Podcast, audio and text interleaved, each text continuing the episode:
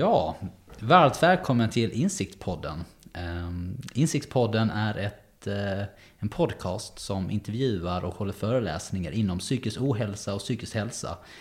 Och eh, tittar egentligen på vilka insikter tar en person eller flera personer igenom riktigt tuffa tillfällen. Alltifrån det om framgångsrika individer till eh, lokalkändisar till fembarnsmammor eller vad som helst. Idag har vi en av mina favoriter med oss. Kristoffer eh, Volander som är dirigent och föreläsare. Eh, han, eh, han är med mycket på grund av att han är en stor förebild för mig för att han har en otroligt spännande resa som han snart ska berätta lite mer om. Och har kommit ifrån Sankt Petersburg med stora visioner. Samtidigt som han har då gått igenom en hel del tuffa tillfällen genom livet.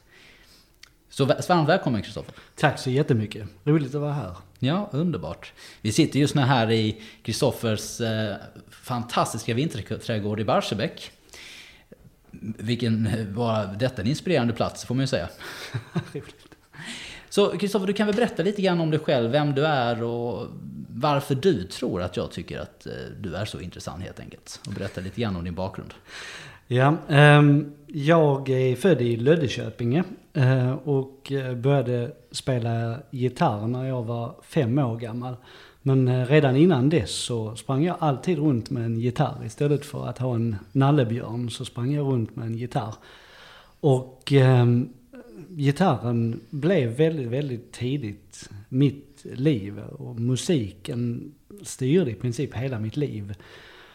Och sen eh, när jag blev eh, tonåring så började jag drömma om att bli dirigent. Jag lyssnade på större klassisk musik och eh, stod till och med på mitt pojkrum och viftade med armarna till symfonier av Brahms och opera av Carl Maria von Weber. Och efter det så, det blir lite så att man satsar på det som går bra och det gick bra med gitarren. Så jag eh, satsade eh, på gitarren och eh, studerade i England på ett ställe som heter Royal Northern College of Music. Och där fick jag vid ett tillfälle chansen att prova och dirigera en full symfoniorkester. Och då kände jag mig helt plötsligt hemma. Då var det som att här är ju allt det jag har saknat hela eh, livet, hela det musikaliska livet i alla fall. All den kraft som finns i en symfoniorkester. Det hade jag saknat i gitarren. Jag hade ändå köpt en stor tysk eh, gitarr eh, som var en riktig tysk pansarvagn med jättemycket ljud och kraft och byggd på ett helt annat sätt än vanliga gitarrer för att få mer kraft. Men det räckte inte riktigt. Och sen fick jag då prova en full symfoniorkester och då, då la jag faktiskt gitarren på hyllan och eh, valde att utbilda mig till dirigent i Sankt Petersburg. Okej, okay, wow. Vi kan, vi kan pausa lite där och redan titta på hur... Som, jag tänker mig i en värld nu när alla ungdomar egentligen kollar på Paradise Hotel och eh, leker med Tinder och andra bitar. Vad, hur var det att vara tonåring och komma på att detta var vad jag ville göra? Hur, hur var den tiden som tonåring då? Var det var det en enkel tid för dig då att ta detta beslutet? För det måste vara, jag antar att du inte jättemånga kompisar som valde samma resa? Nej, eh, beslutet har jag aldrig tagit. Eh, jag har aldrig tagit ett beslut att jag ska bli musiker. Eh, för det har aldrig funnits något annat för mig. Det var det enda som fanns. Helt självklart så att säga. Ja. Däremot så, så kan det vara väldigt ensamt som musiker och i mitt fall så är ingen av mina föräldrar inga syskon, ingenting, någon musiker. Så eh, jag har trätt in i en bransch där jag totalt saknar, vad ska man säga, kontakter från början och liknande. Ehm, och eh, stundom har det uppfattats som väldigt ensamt faktiskt. Och det är ganska ensamt att vara dirigent fortfarande. Hur, men i den ensamheten då? Jag menar, som väldigt ung att få uppleva den ensamheten också. Även ifall man kan ju höra direkt att är det någonting jag har lärt mig med samtal från eh, framgångsrika människor, eller människor som tar sig många ställen, så är det att deras bästa beslut var aldrig beslut. Det uppstod alltid från som självklart. Mm. Det var man bara så här, ja men det, det, är klart jag ska göra det. Det var aldrig så här, ska jag göra detta, ska jag göra det? Det vill säga att då någonstans så är vi uppe i vårt huvud och, och tänker för mycket.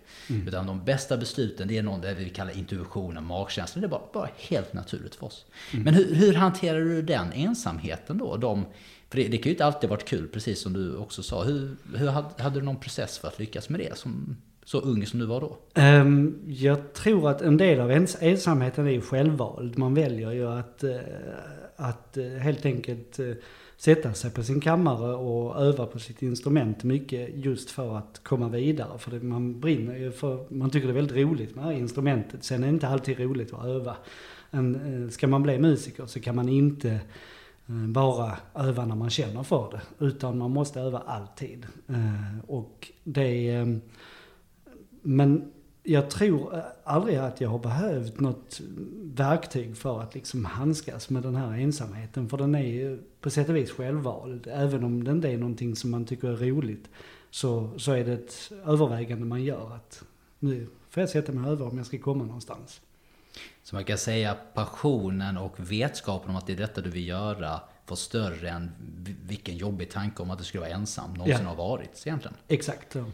Hur, eh, berätta lite om tiden då, när du väl då kom till Sankt Petersburg. Vad, hur såg den resan ut? Och, vad, jag menar, det låter ju väldigt spännande sådana här Ryssland-tider i allmänhet. Ja. Med eh, Sankt Petersburg, som, vilket jag har hört ska vara en otroligt vacker stad till att börja med. Men hur var tiden där och vad, vad hände där?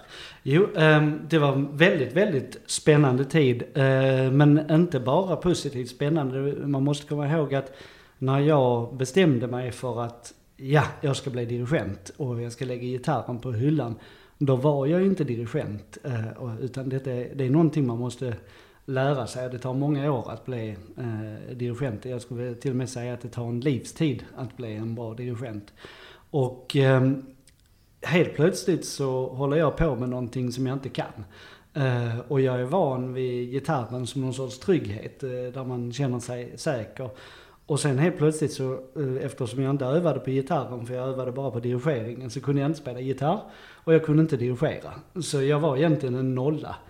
Eh, och eh, att som en så kallad, framförallt så, om man inte förstod det innan så lär de ryska professorerna en rätt så fort att man är en nolla också.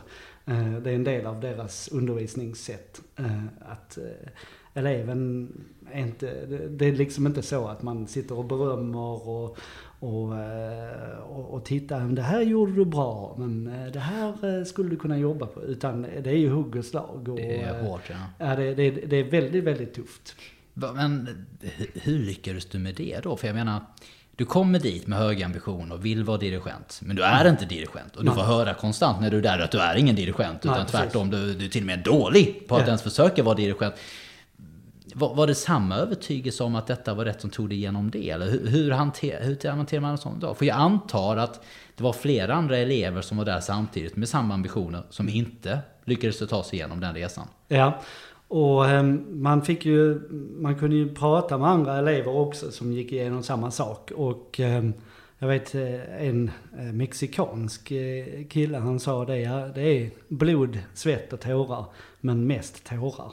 Och det hade han faktiskt rätt i. Det var, eh, det var tuffa eh, stunder på kvällarna. Jag slutade helt att gå ut, slutade helt att dricka alkohol. Allt socialt liv eh, avskrev jag för att den professorn jag hade, hade så höga krav på mig att om jag tog en enda kväll och tog några öl så nästa morgon så var det någonting som jag inte hade hunnit göra och, och då fick man en rejäl utskällning.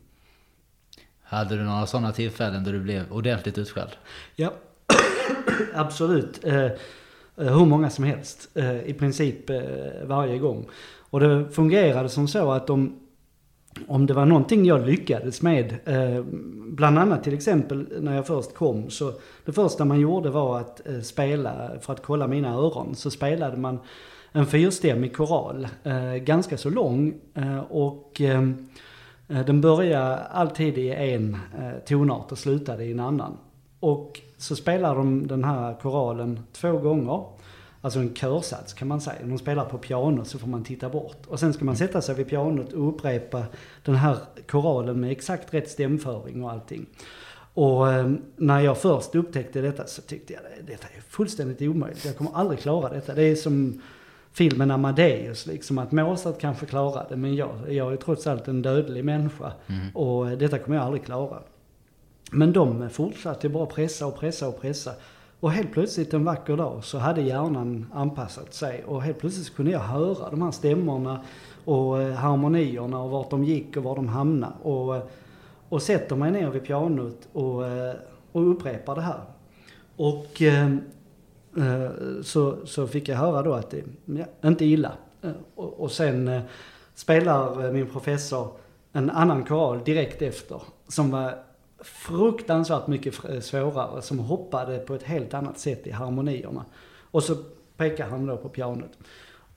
Och så skulle jag sätta mig och då, då kunde jag ju såklart inte detta. Jag hade lärt mig lite, klara av lite enklare koraler och helt plötsligt så får jag en vansinnigt svår. Och, eh, och, då, och då bara han säger liksom, ah, alltså så här är det. Eh, jag spelar något enkelt så klarar du. Så fort jag gör det lite, lite svårare så klarar du inte. Det är ju bara skit. Va? Du får skärpa dig. Och så var det hela tiden. Så att eh, han låg alltid en eller två nivåer högre än vad jag klarade av. Så vi sysslade bara med saker som jag inte kunde. Och samma var det i dirigeringen. Jag fick hela tiden stycken som var lite svårare än vad jag klarade av. Och eh, hjärnan utvecklas något fruktansvärt snabbt eh, då. Man pressar ju hjärnan enormt. Mm. Men eh, man, man, blir, man är inte glad under den här processen och man känner sig aldrig trygg och, och självgodhet är ju det sista man eh, liksom kan uppleva i en sån situation. Ja, Jag in, inbillar mig att eh, man visste, visste aldrig vad som skulle komma härnäst. Nej. Det enda du visste är att du, du kommer inte, man kommer inte kunna klara av det i alla fall. Ja, precis. Men, men genom den resan och genom den svårigheten var, var det fortsatt, fortsatt så att det här självklarheten med att bli dirigent fanns det? Eller var du tvungen att övertyga dig på nytt genom, genom den resan? För jag bara tänker att om och om får någon annan att bevisa att du ska inte vara här. Du är inte tillräckligt bra för detta. Det, det är inte många som klarar av det. Jag menar i dagsläget så eh, skulle de flesta förmodligen då sluta långt innan dess. Va?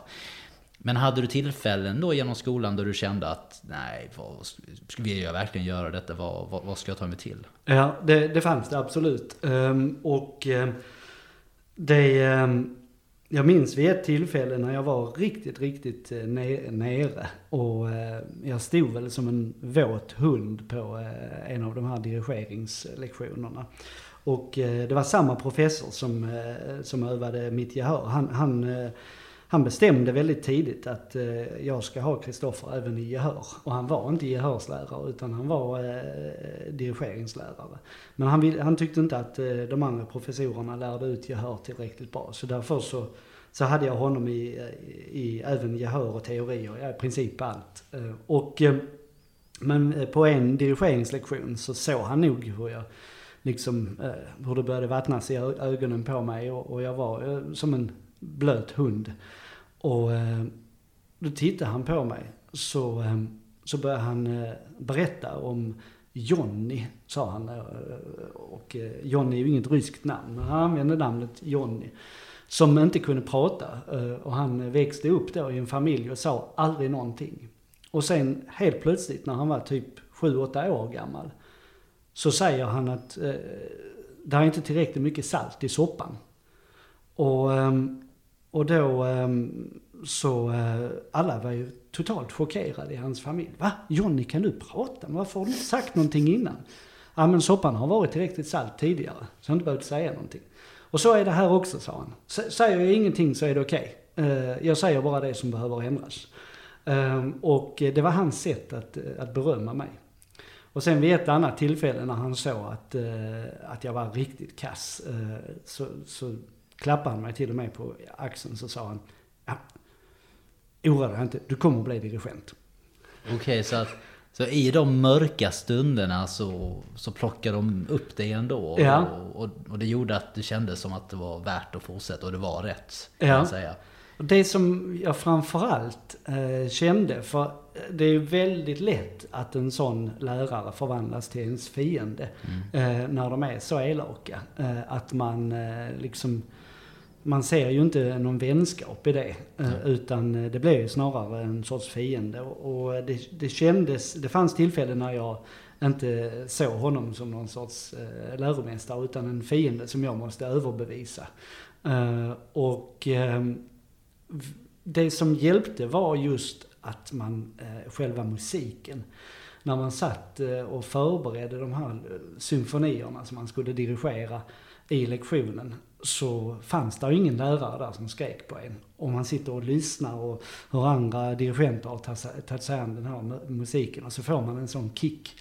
Uh, och det var egentligen det som jag skulle säga tog mig igenom, just kärleken till musiken. För att just musiken plockade upp mig när det var som tuffast. Och, så ju, ju, ju tuffare det var desto mer lyssnade jag på musik. Mm. Och i musiken fann, fann du skönheten igen kan man säga. Ja. ja. Och sen vid, Eh, vid andra tillfällen också när det var tufft så hade jag ett annat verktyg. Eh, och det, det var att jag försökte se mig själv utifrån. Uh, och då blev det lite mindre tufft allting. Va, vad som än uh, liksom hände så, om, så fort man försökte att, vad ska man säga, imaginärt flyga ut ur sin kropp och se sig själv uppifrån. liggandes på en säng med ett partitur eller till och med torkandes tårar eller vad som helst. Mm. Så när man såg sig själv utifrån så kändes det mindre allvarligt allting. Och det är ett trick som, som man kan använda i eh, tuffa stunder skulle jag vilja säga. Mm. Det låter lite grann som vad du säger är att i de här svåra stunderna och när allting är som värst så finns det saker som ändå påmint dig och framförallt fått dig att kanske glömma bort hur jobbigt det är i stunden genom att ett, man förlorar sig i musiken igen och man får den här kicken så som du letar efter. Och plötsligt var de här jobbiga tankarna om att han är orättvis och en fiende, det var inte lika viktigt.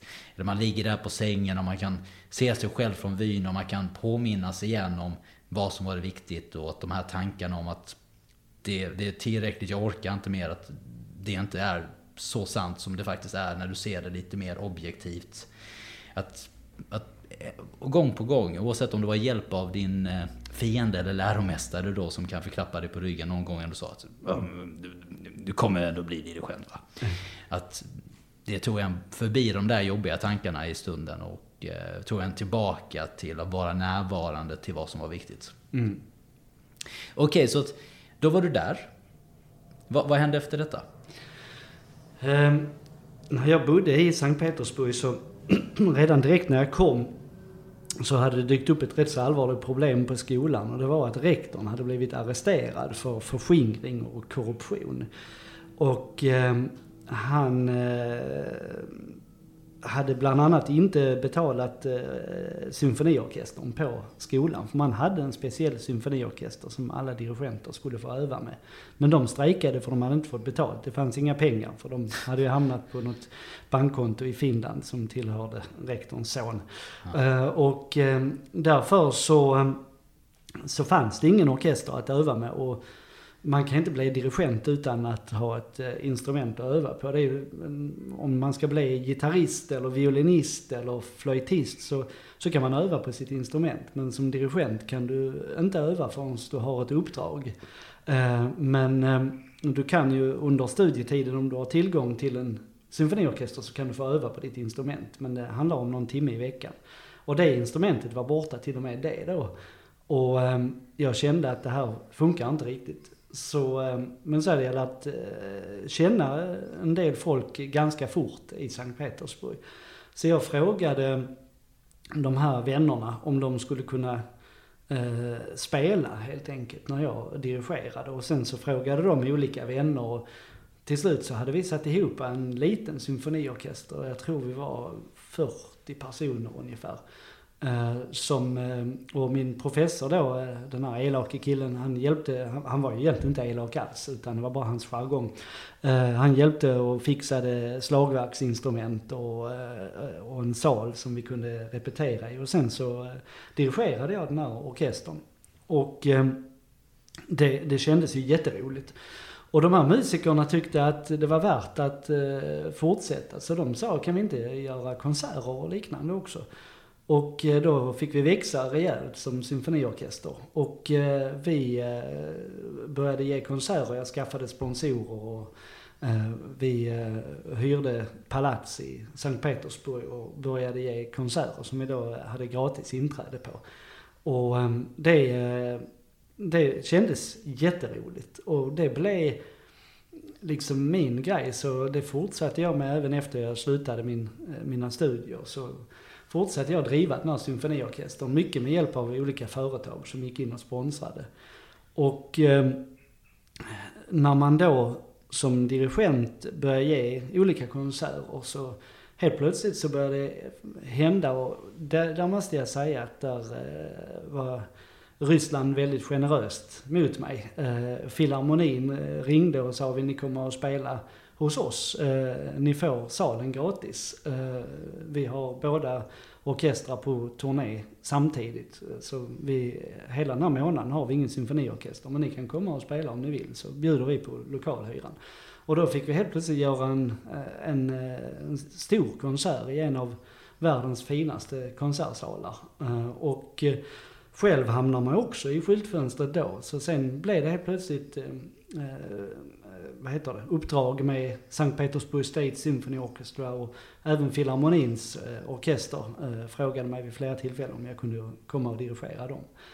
Och det är det som är det svåra för en dirigent annars, att du kan ju inte visa vad du går för om du inte har en full symfoniorkester till dig. Och det kommer du aldrig få om du inte har visat vad du går för.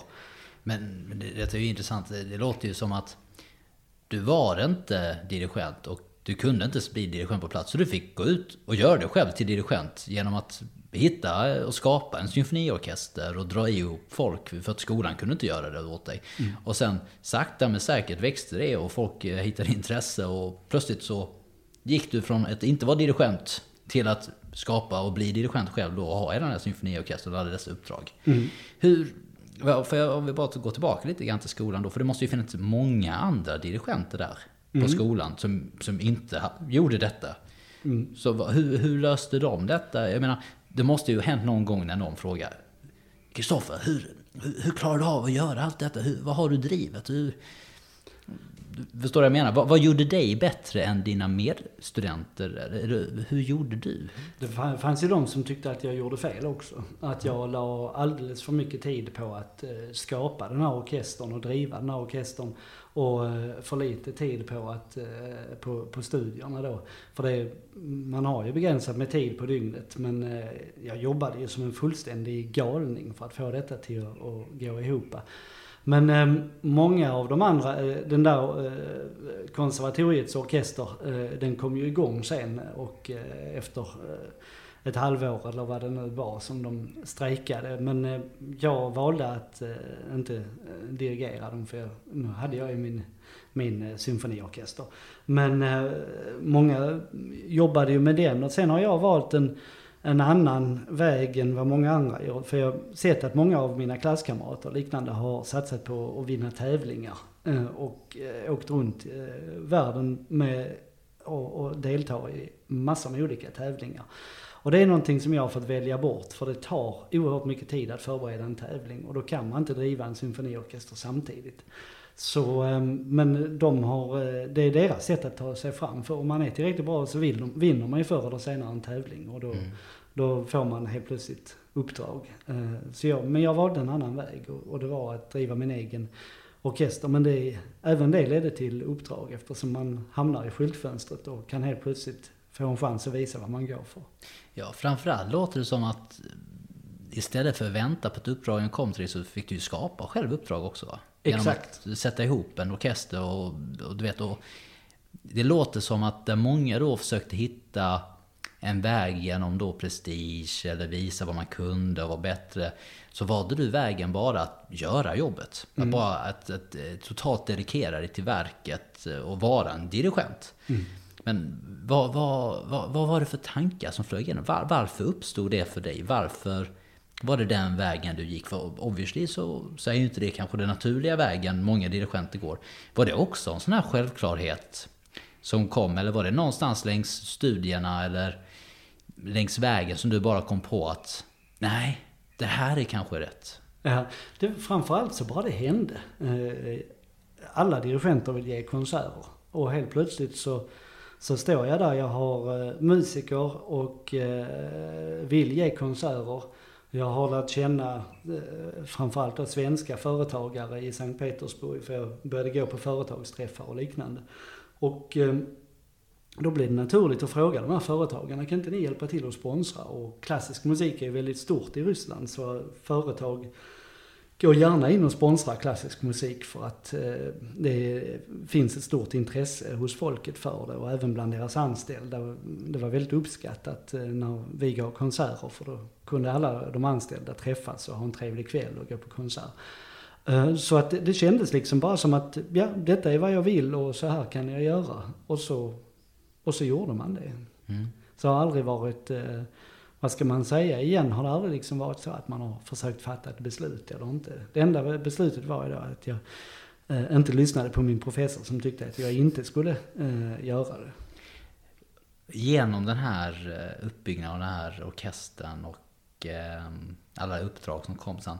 Fanns det, var det stunder som uppkom där som också som kändes omöjliga, som du inte kunde klara av? Eh, du det mer svåra stunder eller var det också var det en dans på rosor hela vägen? Nej, inte alls. Och eh, man har ju, eh, speciellt i början, men även, eh, vad ska man säga, lite längre fram så händer det ibland att man eh, inte gör en så bra konsert som man skulle vilja. Att man kanske eh, slappna av lite eh, för mycket eh, för att det har gått bra.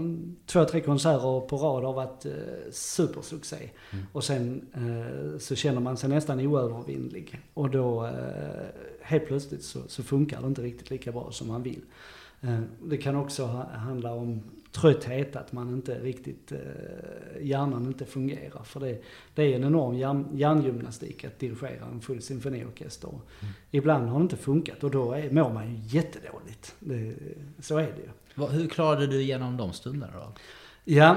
Um, för det måste ha varit mycket på okänt vatten om man ja, är helt ärlig. För, I och med att det inte var den naturliga vägen att gå. Ja, hela tiden. Eh, men man måste hela tiden se framåt. För att man har, om man står där och redan väldigt tidigt i en konsert gör ett misstag eh, som, som är så allvarligt att hela orkestern hör det och till och med publiken kan höra att någonting inte riktigt blir rätt. Eh, då, eh, då hjälper det ju inte att man håller på och grämer sig över det. Utan man måste, och jag tror till och med att musiken tvingar en att koncentrera sig på den. Man måste gå vidare och bara köra och se till att konserten ändå blir en succé. Och ehm, det, det måste man alltid ha med sig. Alltid bara se framåt, framåt, framåt, framåt. Okej. Okay. Och det har varit ett gemensamt tema såklart då för dig genom de svåra stunderna. Att du har haft en förmåga då att, att kunna vara objektiv och titta framåt för att lösa de här svåra stunderna som då har uppkommit. Ja, ibland kan, ibland kan man behöva en dag som man liksom deppar och gnäller. Och sen nästa dag får man eh, se, ta, ta blåstället på igen och gå vidare. Mm. Men var det alltid självklart under den där dagen som du deppade att den kommer gå över då? Att, eh, eller fanns det dagar där du kände att du skulle verkligen sluta och så påminnes du på något sätt eller? Ja, det, jag tycker det känns, eh, det kommer tillbaka där att man, man ska sluta. Det, det kommer aldrig försvinna tror jag. Så du upplever det fortfarande kan man säga? Ja, det kan vara så. Men än en gång så tittar du framåt och du tar dig förbi de där dagarna? Ja, precis. Okej. Okay. Man har inget val. Ja, alltså många har ju säkert, har ju säkert lagt av och börjat göra någonting mycket enklare. Men berätta då, okej, okay, så då var du i Sankt Petersburg, du drev den här eh, orkestern. Du sa ju, du är ju född i Löddeköpinge. Mm. Och du, nu sitter vi här också i, i Barsebäck, rätt nära Löddeköpinge. Mm. Vad, du kom förr eller senare hem. Mm. Och eh, kan du berätta lite grann om den resan hemifrån den här dirigentvärlden då i, eh, i Sankt Petersburg som du byggde upp Mm. Och varför kom du hem och hur har det sett ut sen du kom hem?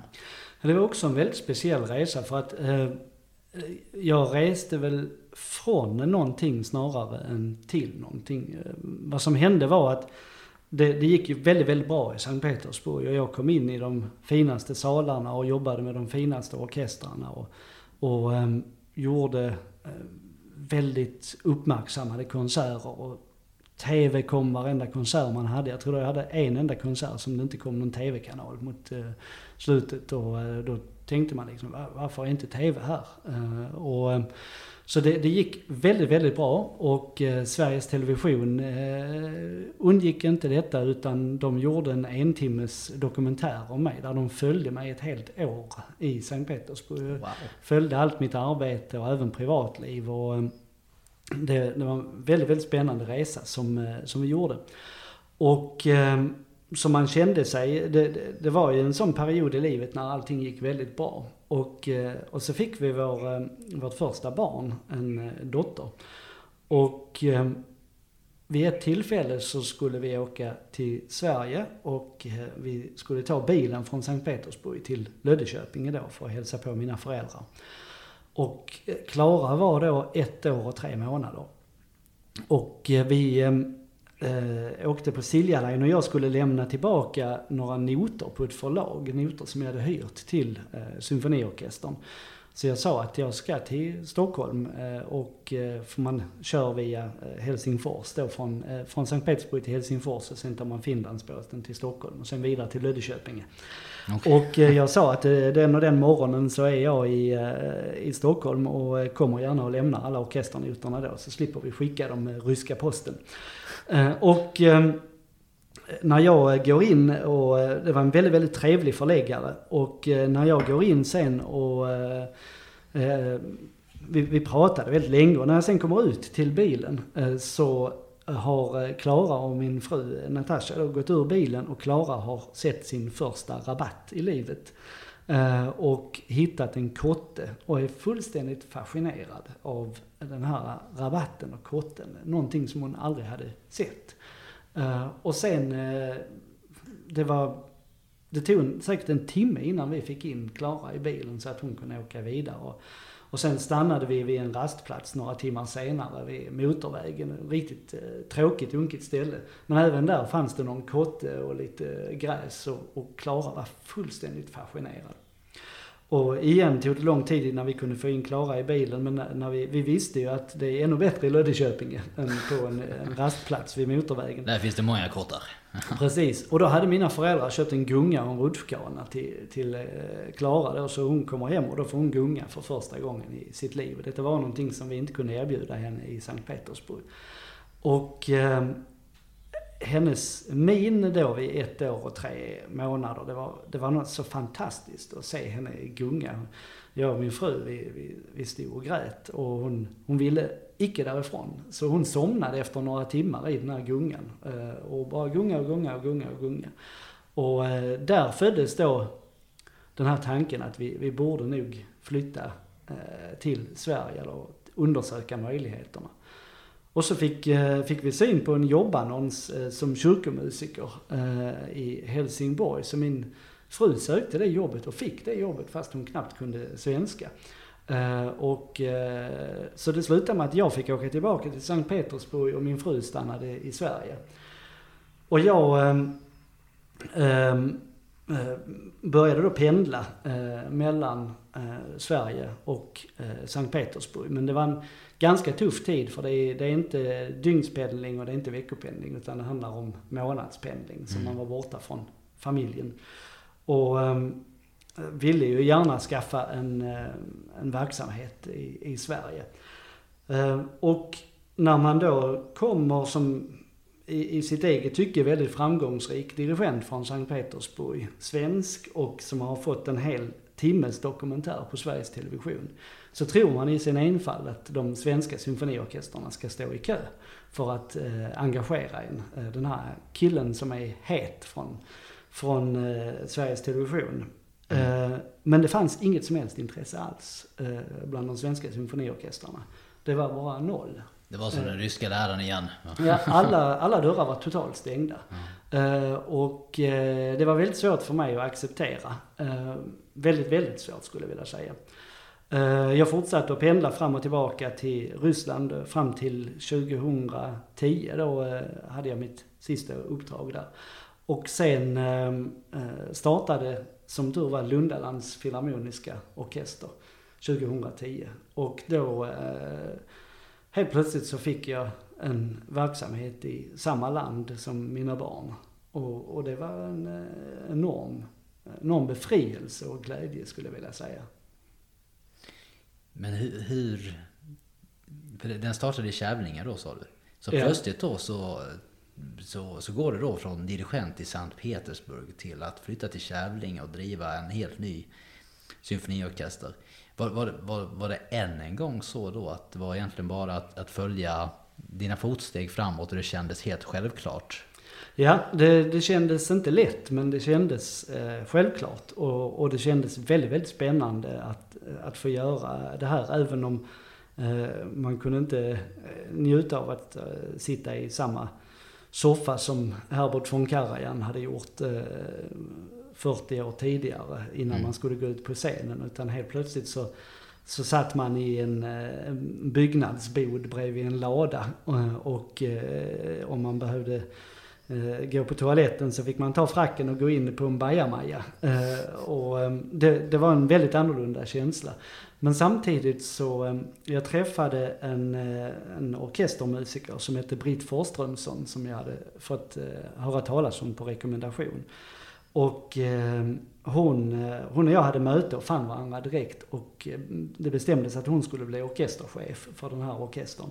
Och det är hon fortfarande och har gjort ett fullständigt fantastiskt jobb och skaffade fram helt otroliga musiker till orkestern. Och därför så så den här orkestern som då spelade i, eh, i, i lador någonstans runt om i eh, Lundaland hade, höll en, en väldigt, väldigt hög kvalitet. Så det var väldigt roligt att jobba tillsammans. Och sen samtidigt så kunde jag ringa eh, folk som jag hade jobbat med i Sankt Petersburg, sångare av total världsklass som veckan efter eh, oss sjöng antingen på Mariinski-teatern eller på Metropolitan Opera i New York. De, de finaste eh, operahusen över världen. Och eh, så kunde man ringa till dem och, och, och böna och be och fråga om de inte skulle kunna komma och tänka sig att sjunga i en lagerlokal eller en lada i, i Skåne. Och ehm, det eh, gick vägen så helt plötsligt så kunde vi bjuda en inte ett ont anande publik på kvalitet som ligger i gränslandet för vad mänskligheten klarar av. Eh, sång där folk aldrig har hört folk hantera sina röster på det viset. Och det var oerhört roligt. Ja, jag får säga att jag själv varit en, ett föremål för fascination för mig själv sen jag träffade dig första gången då i Systembolagets gamla lokaler i, i, på Center Syd. Och få höra då den här fantastiska konserten som själv öppnade dörrarna för opera och klassisk opera till mig själv. Som aldrig tidigare egentligen varit av stort intresse trots att det ändå funnits där när man växte upp hos ens far och annat. Så det, det får jag säga att jag tror att en av de stora, stora sakerna med det är att ni just öppnar upp operan och det verket ni har för nya begåvningar, nya människor. I och med att varenda konsert ni, ni håller levererar så pass hög kvalitet att de tar alltid med sig sina vänner och folk är intresserade. Och jag tror att vi måste ju också ta upp det här faktumet att, att jag tror att en hel del som går dit och ser också för att eh, de vet att dirigenten är galen. Det är en galen dirigent som har hört att Lundaland har. Och det finns ju också i marknadsföring där lite en galen dirigent och en stor orkester.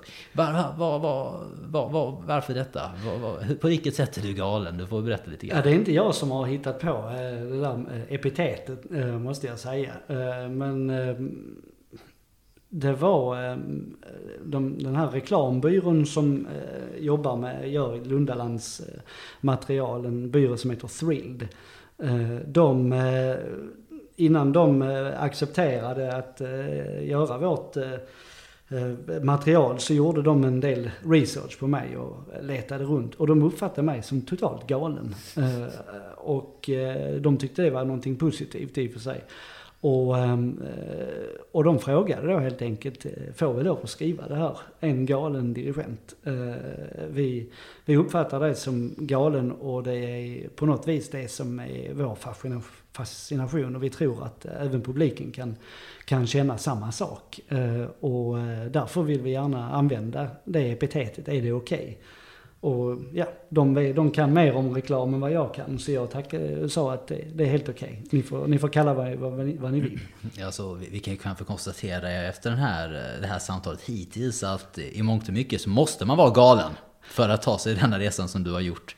Det vill säga att överleva de här hårda skolorna och få höra att, eller ensamheten du upplevde som tonåring, att eh, gå din egen väg. Men att det är allt annat än en negativ bemärkelse såklart. Mm. Men om, om vi frågar dig då, uppfattar du dig själv som galen? Nej, det gör jag inte. Um, jag... Um, det gör jag faktiskt inte. Det är alla andra som är annorlunda. det är alla andra som är annorlunda. Ja. För att Visst är det så, jag, jag inbillar mig ju nu, jag är ingen expert, men om man, om man ser dig på scen så ser man någon som njuter ofattbart mycket av att stå där. Och du har även tagit en hel del plats i form av att du gillar verkligen att röra dig där och gestikulera och att om man tittar kanske mer på klassiska eh, operor och så vidare så, så visst så är det ju ofta man ser en stolt dirigent där framme men det känns som du är där med en helt annan sorts energi än vad man ser på, i många andra konserter. Stämmer det? Alltså eh, det som präglar mitt beteende oerhört mycket under konserterna det är just kärleken till musiken. Jag älskar ju den musiken som vi gör. Och eh, därför så smittar det nog av sig på mitt sätt att röra sig och hur vi... Eh, eh, mina ögon och, och liknande. Eh, jag tittar ibland på eh, videofilmer och liknande eh, där vi har... Eh, när man har filmat konserterna. Jag ser lite tosig ut faktiskt. ja, det är, det är mycket roligt att titta på i alla fall. Men, men detta är ju Insiktspodden och det, det är lite kul här. Vi har en mekanisk katt som sitter här mitt emot oss som, som, som rör på sig. Ta och stänga av den. Nej, nej då, det, det är bra. Det passar perfekt in till miljön här. Men det är lite lustigt. Jag undrar så här, vad var det som låter så här? Jo, en mekanisk katt. Du har ju tagit en ordentlig resa och jag kan säga så här mycket att eh, från eh, Systembolagets, där har vi katten, från Systembolagets eh, lokaler i Center Syd så, så spelar ju Lundarna numera på Malmö Arena. Så att från de här blygsamma, lite mindre koncernerna så har vi idag, ja hur många människor var det senast på Malmö Arena? Det var 2500 personer. 2500 personer och en katt. Så det, det, det, måste vara rätt, det är ju rätt stora, en rätt stor grej, inbillar jag mig. Va? Att, eh, en stor utvecklingsskala. Den resan kan ju inte vara enkel heller. Eh, nej, det var, det var ett rejält eh, steg eh, att eh, ta. Eh, samtidigt så var vi vana vid att göra väldigt mycket själva. jag ska kanske stänga av den där katten. Vi, vi, ska, vi ska pausa katten här en sekund. Men det är bra, det bara att klippa bort sen mot annat. Lever sitt egna lilla liv. Ja, precis. Ska vi um, ta frågan igen kanske? Ja, nej, men jag tänkte att du får gärna berätta lite grann hur, hur varför, om vi formulerar frågan så här. Varför tror du att den här lilla orkestern även nu när den är i världsklass, har ändå kunnat ta så mycket plats och ändå gått ifrån små lagerlokaler i Löddeköpinge och Kävlinge till att idag ha över 2000 människor eh, komma och se er live i, på Malmö Arena. Det måste ju vara en otrolig bedrift på många sätt och vis. Ja, det, det, ibland känns det faktiskt lite eh, ofattbart. Um, det är um, folk som frågar, men uh, vill ni inte spela på Malmö live? Och då blev jag tvungen att svara att nej, där rymmer inte tillräckligt mycket folk. Eh, och det känns faktiskt helt fantastiskt. Ehm, vi, ehm, att, att, att kliva in på Malmö Arena är, ju, medför ett antal olika utmaningar. Det som var intressant var att mycket av det som vi hade gjort, eller som behövde göras i Malmö Arena, hade vi redan gjort i fullständigt unkna lokaler. Som att eh, Eh, när det gäller ljud och ljus och se till att strömförsörjning fungerar och att eh, det finns parkeringsplatser, stolar och allting. En del av de grejerna slapp vi till och med göra i Malmö Arena. Så det blev till och med lättare att spela i Malmö Arena. Vi behövde inte sätta ut stolar och numrera dem. Vi behövde inte skaffa parkeringsvakter. Och mycket sånt löstes av sig självt. Så vi kunde koncentrera oss mer på den musikaliska biten.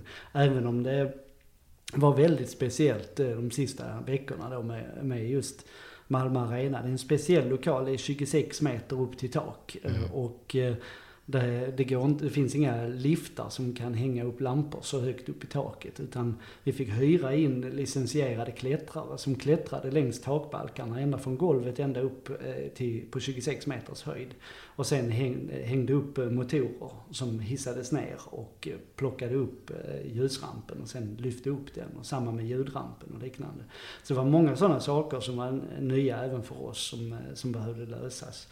Men oerhört roligt såklart att, att nå så många människor. Eh, jag var rädd själv att vi är vana vid att spela i dåligt luftkonditionerade, svettiga lokaler, väldigt intimt med vår publik. Vårt tidigare publikrekord var 850 personer och eh, när man då är 120 personer på scenen och 850 i publiken så blir det en väldigt intim känsla. Och ehm, eh, helt plötsligt så kliver vi in i en sal där det sitter tusentals människor i publiken och en sal som är mycket mindre personlig än de här svettiga industrilokalerna. Och jag var rädd att vi skulle få sämre kontakt med, med publiken men det blev faktiskt till och med bättre. Publiken ropade ju bravo innan vi ens hade börjat spela. Och det tyckte jag var fantastiskt kul. Ja, än en gång en enorm bedrift. Kunde du någonsin tro att som eh, den där unga tonåringen som ville bli dirigent i sin ensamhet plötsligt skulle ha 2500 människor som var intresserade av att komma och höra med honom eh, spela, dirigera alltså, den galna dirigenten då på Malmö Arena?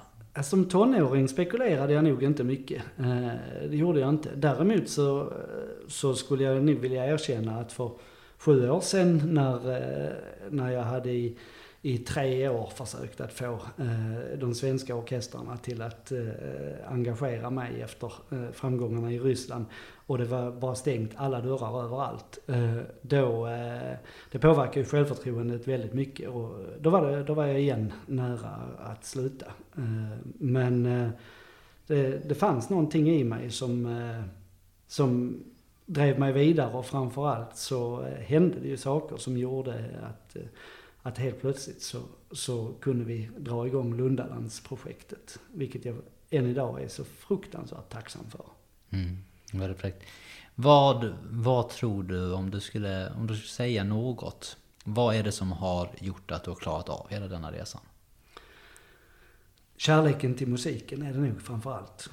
Just det här att jag tycker det är så grymt roligt att, eh, att dirigera och att eh, vara på scenen och att, eh, att få bjuda människor på klassisk musik. Och vad som skiljer oss lite från många andra är att vi vänder oss till helt vanliga människor. Vi, vi spelar inte för en kulturelit. Vi, vi vill gärna att kultureliten också kommer för de får uppleva någonting som de aldrig har upplevt och framförallt så får de uppleva solister som är av så hög klass att de inte är vana vid det i, mm. i de här delarna av världen. Och, eh, eh, men samtidigt så vill vi nå helt vanliga människor. Och eh, det, vi märker också att vi gör det eftersom eh, vi hör helt plötsligt att folk applåderar på fel ställe. Och jag tror jag är en av väldigt, väldigt få dirigenter som blir riktigt, uppriktigt glad när någon applåderar på fel ställe. För då vet jag att jag har nått nya människor. Det är ju det är en fantastiskt bra betyg att titta, på, eh, titta i den riktningen. Vad, vad, vad skulle du säga till folk som befinner sig på den resan som du har varit på? Denna Alltifrån ungdomarna då som val, väljer ensamheten för att hitta sitt verk till eh, de som har den där läraren som säger till dig att eh, du är en nolla, du kommer aldrig lyckas med detta. Vad hade du gett dem för råd för att klara av de där svåra stunderna som du själv hamnade i och som vi andra kan hamna i? För det, det, är, det är inte alltid någon som finns där och lyfter upp alla när vi minst behöver det. Vad, vad har du för råd för dem? Det, ehm, det första är att följa sin eh, inre eh, inneboende längtan. Har man en längtan att, att bli eh, musiker och en glöd att, att satsa på det eller vad man egentligen än vill. Om man vill bli läkare eller kiropraktor eller vad man än vill. Så har man den här inneboende längtan så kommer det förr eller senare också att gå bra. Eh, så länge man inte ger upp. Eh, för det är väl egentligen det som skiljer framgångsrika människor från icke framgångsrika människor att de framgångsrika människorna de fortsätter tills de blir framgångsrika. Medan de eh, icke framgångsrika de slutar innan de hinner bli framgångsrika. Men det är, det är en lika ihärdig process för alla. Det är väldigt få som, som glider in på ett eh, bananskal och det, det är väl det, det, absolut sista jag skulle kunna säga om mig själv. Jag har ju verkligen inte glidit in i, i det här utan det är ett väldigt, väldigt hårt arbete och mycket tvivel som man måste ta sig igenom eh, om, det ska, om det ska bli bra. Eh, och eh, har man då den inneboende längtan att, att göra någonting så, så kommer det förr eller senare också att lossna. En annan sak, ett eh, litet verktyg som jag använder själv som är eh, oerhört viktigt att ta med sig på vägen. Eh, det finns studier som är gjorda för detta också, bland annat i universitetet i Manchester. så eh, gjorde man en eh, studie med människor som eh, hade sömnstörningar. Och där eh, lät man en grupp ta helt vanliga traditionella sömntabletter och en annan grupp fick skriva en lista på allting som de var tacksamma för varje kväll när de skulle gå och lägga sig. Och ehm, det, det visade sig att eh, de som skrev den här listan sov lika bra som de som tog traditionella sömntabletter.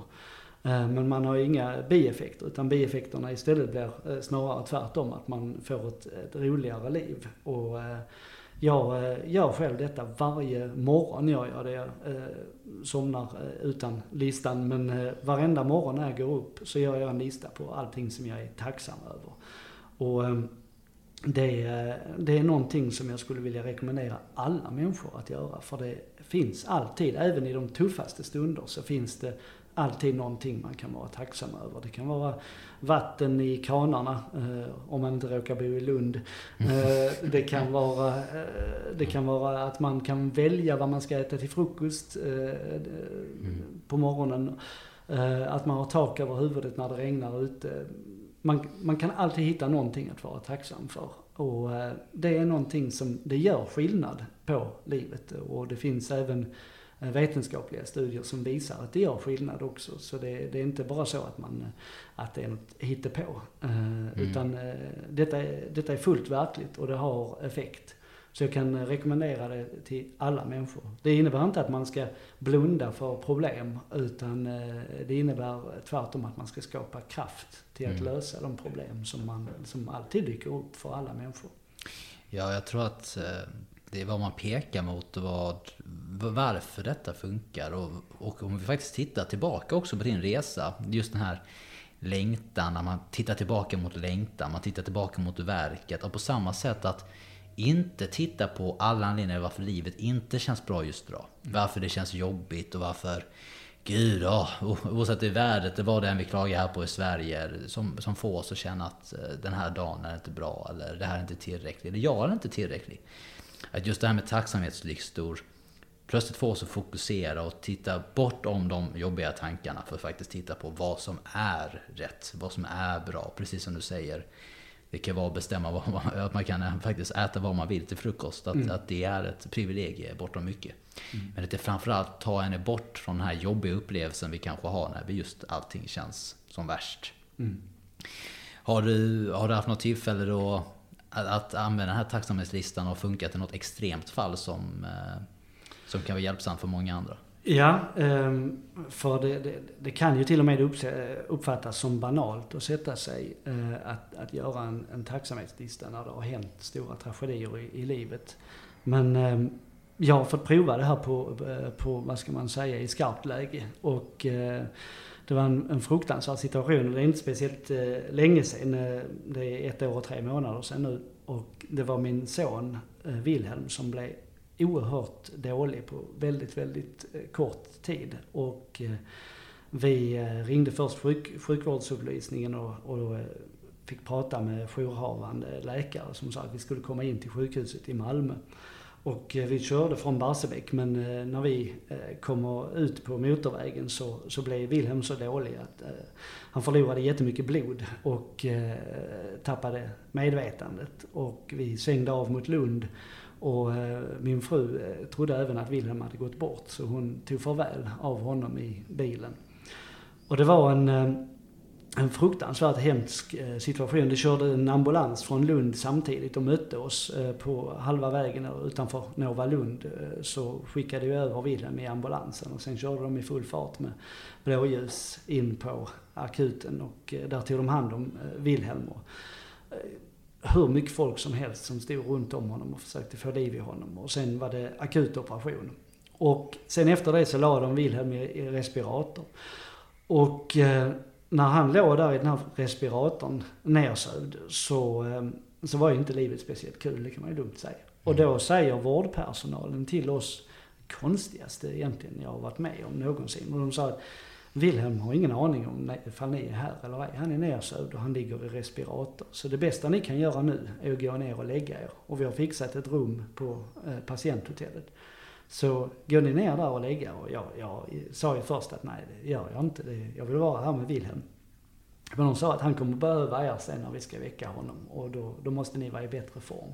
Så eh, gå ner och, och lägg er på patienthotellet. Och, ehm, så det slutade faktiskt med att vi gjorde som de sa och jag sov två timmar. Ehm, vi pratar om att vi gick och la oss kanske vid tre och jag vaknade vid fem eller något liknande. Och då klockan fem på morgonen så eh, kändes ju inte livet speciellt kul, det kan man ju lugnt säga. Och då satte jag mig, som den idiot jag är, och gjorde en tacksamhetslista. Och det, ehm, det kändes jättekonstigt först. Eh, det kändes banalt, det kändes dumt. Men jag bestämde mig för att jag ska göra den ändå. Men ju längre jag höll på desto fler saker dök det upp som jag kunde vara tacksam för. Att, eh, för det första att vi, hade en, eh, att vi hade bestämt oss för att köra eh, till sjukhuset och att, att det inte var så att vi hade väntat hemma och tänkt att det kanske skulle kunna gå över av sig själv. Och att vi kom in till akuten och att det där fanns vårdpersonal på plats som kunde ta, ta hand om honom och operera honom akut så att han överlevde. Och mest av allt någonting som dök upp, det var att det, någon god människa har vid tidigare tillfälle gått till sjukhuset och lämnat sitt blod. Blod som Wilhelm kunde få så att han överlevde. Den människan kommer jag aldrig kunna tacka för jag vet inte vem det är. Men den människan har ju räddat min sons liv och det var jag oerhört tacksam för och det är jag än idag. Så tack vare att jag gjorde den här eh, listan så, eh, så fick jag ny kraft och sen kunde jag gå upp till Wilhelm och jag, jag tror att jag var en helt annan förälder när jag satt där uppe och han sen vaknade ur eh, narkosen än vad jag hade varit om jag inte hade gjort den här listan. Wow, ja det är ett onekligen ett bevis för värdet i, i en sådan övning. Och jag måste ju nästan fråga, din fru gjorde ju inte den här tacksamhetslistan. Hon måste ju tyckt att du var oroväckande lugn nästan efter den upplevelsen. Var det så eller eh, hade hon en liknande övning då? Eh, nej, eh, det, det, eh, det, var jag som behöll lugnet under egentligen hela den här resan. Mm. Min reaktion kom senare. Det, den kommer ju förr eller senare ändå, även om man har tuffa stunder. Så att det, helt plötsligt så upptäckte jag några månader senare att jag blev av med minnet. Och eh, det var också en väldigt speciell situation. Helt plötsligt så kommer man inte ihåg vad, på eftermiddagen vad man hade gjort på förmiddagen. Och då då fick man helt plötsligt en, en ny utmaning att ta tag i. Men det, jag är väldigt glad att jag fick den typen av varningsklocka eh, innan mm. det var för sent. Att jag helt plötsligt upptäcker att jag minns ju inte ens var jag har varit idag. Och då kunde jag tackla de utmaningarna också. Ja, det är ehm, onekligen en eh, obeskrivligt svår eh, situation. Men jag tycker att skönheten är lite grann att även i de svåraste av stunder, när när litterärt skiten har träffat fläkten och man, man vet inte om det finns ett ljus imorgon. Du vet när man vaknar upp. Att se just där att, att fokusera än en gång igen på vad som är rätt och hur allting som man har gjort rätt snarare än allt som är då fel eller orättvist eller vad det än är. Att, att det gör att man blir mer närvarande och kan vara där på ett sätt som är mycket bättre och mycket mer kärleksfullt än ha varit i total panik när ja, en situation jag, hade, jag hoppas jag hade kommer behöva befinna mig i. Men, Det hoppas jag också. någonting som jag tror är, viktigt framförallt är att eh, man hela tiden måste ha koll på sig själv så att man inte tar på sig offerkoftan. Mm. För den är, den är ju det är väldigt, vad ska man säga, behagligt plagg att sätta på sig när man förskjuter ansvaret för en situation på omständigheter och andra typer av, eh, vad ska man säga, så, eh, omständigheter som är bortom ens egna kontroll. Mm. Och det är väldigt, väldigt skönt att kunna göra det. Men det, det är ju väldigt, vad ska man säga, eh, det leder ju ingenstans alls. Så, så fort man känner att, att oj, nu har ofta offerkoftan kommit på, så är det slit av den så fort du bara kan. Och det gör du då kanske bäst genom eh, bland annat en sån övning som en tacksamhetslista och liknande? Eller? Absolut, absolut. Kristoffer, mm. vi, vi skulle nog kunna prata i timmar om både tacksamhetslistor och och eh, livets utmaningar. Men jag tror i mångt och mycket var, var varför jag vill intervjua dig och träffa dig har visat sig i den här intervjun. Och eh, Kristoffer, han är en stor eh, förebild till mig som jag sa i början på intervjun. Mycket på grund av just den här resan. Att, att även ifall det inte ser ut att vara rätt ifrån eh, andras perspektiv. Eller man tittar på det och rent krasst att, eh, jag menar, hur kan du välja att du ska bli dirigent och du vet inte hur man ska vara dirigent. Om man tar sig igenom hela den resan från Löddeköpinge till Sankt Petersburg. Och man trotsar sina lärare, man trotsar sig själv i mångt och mycket. Och, eller vad det än är. Och man ser att man, man kommer någon vart på det. Om man hittar hem och om man bara litar på att man vet vad som är rätt för sig själv. Genom att våga lyssna på den här längtan så tar man sig dit. Och att om och om igen, när stunder känns som absolut jobbigast, eller bara som en, en, en daglig practice, att faktiskt fokusera och titta på det som är rätt snarare än det som är fel. Att påminna en, inte bara om längtan, men bara om vad som är, vad som är bra i livet. Genom till exempel en tacksamhetslista då och så vidare. Nej, Kristoffer, det är ett sant nöje att eh, känna dig och eh, jag hoppas att alla lyssnare verkligen ta tillfället i akt att eh, besöka Lundalands Filharmoniska Orkesters eh, nästa konsert som är 30 september på Malmö Arena. 30 september på Malmö Arena. Och då hoppas ni, hur många hoppas ni att det ska komma denna gången? 4000 får vi väl ha i publiken i alla fall. 4000. Ja, alltså ni hör, Malmö Live eh, är inte ett alternativ, det finns inte plats helt enkelt. Så att gör precis som jag. Ehm, följ Kristoffer på sociala medier och även genom Lundaland. Ehm, och kom såklart på konserten och upplev eh, vilken kärlek till eh, musiken som skulle kunna vara där. Tack så mycket Kristoffer. Tack ska du ha.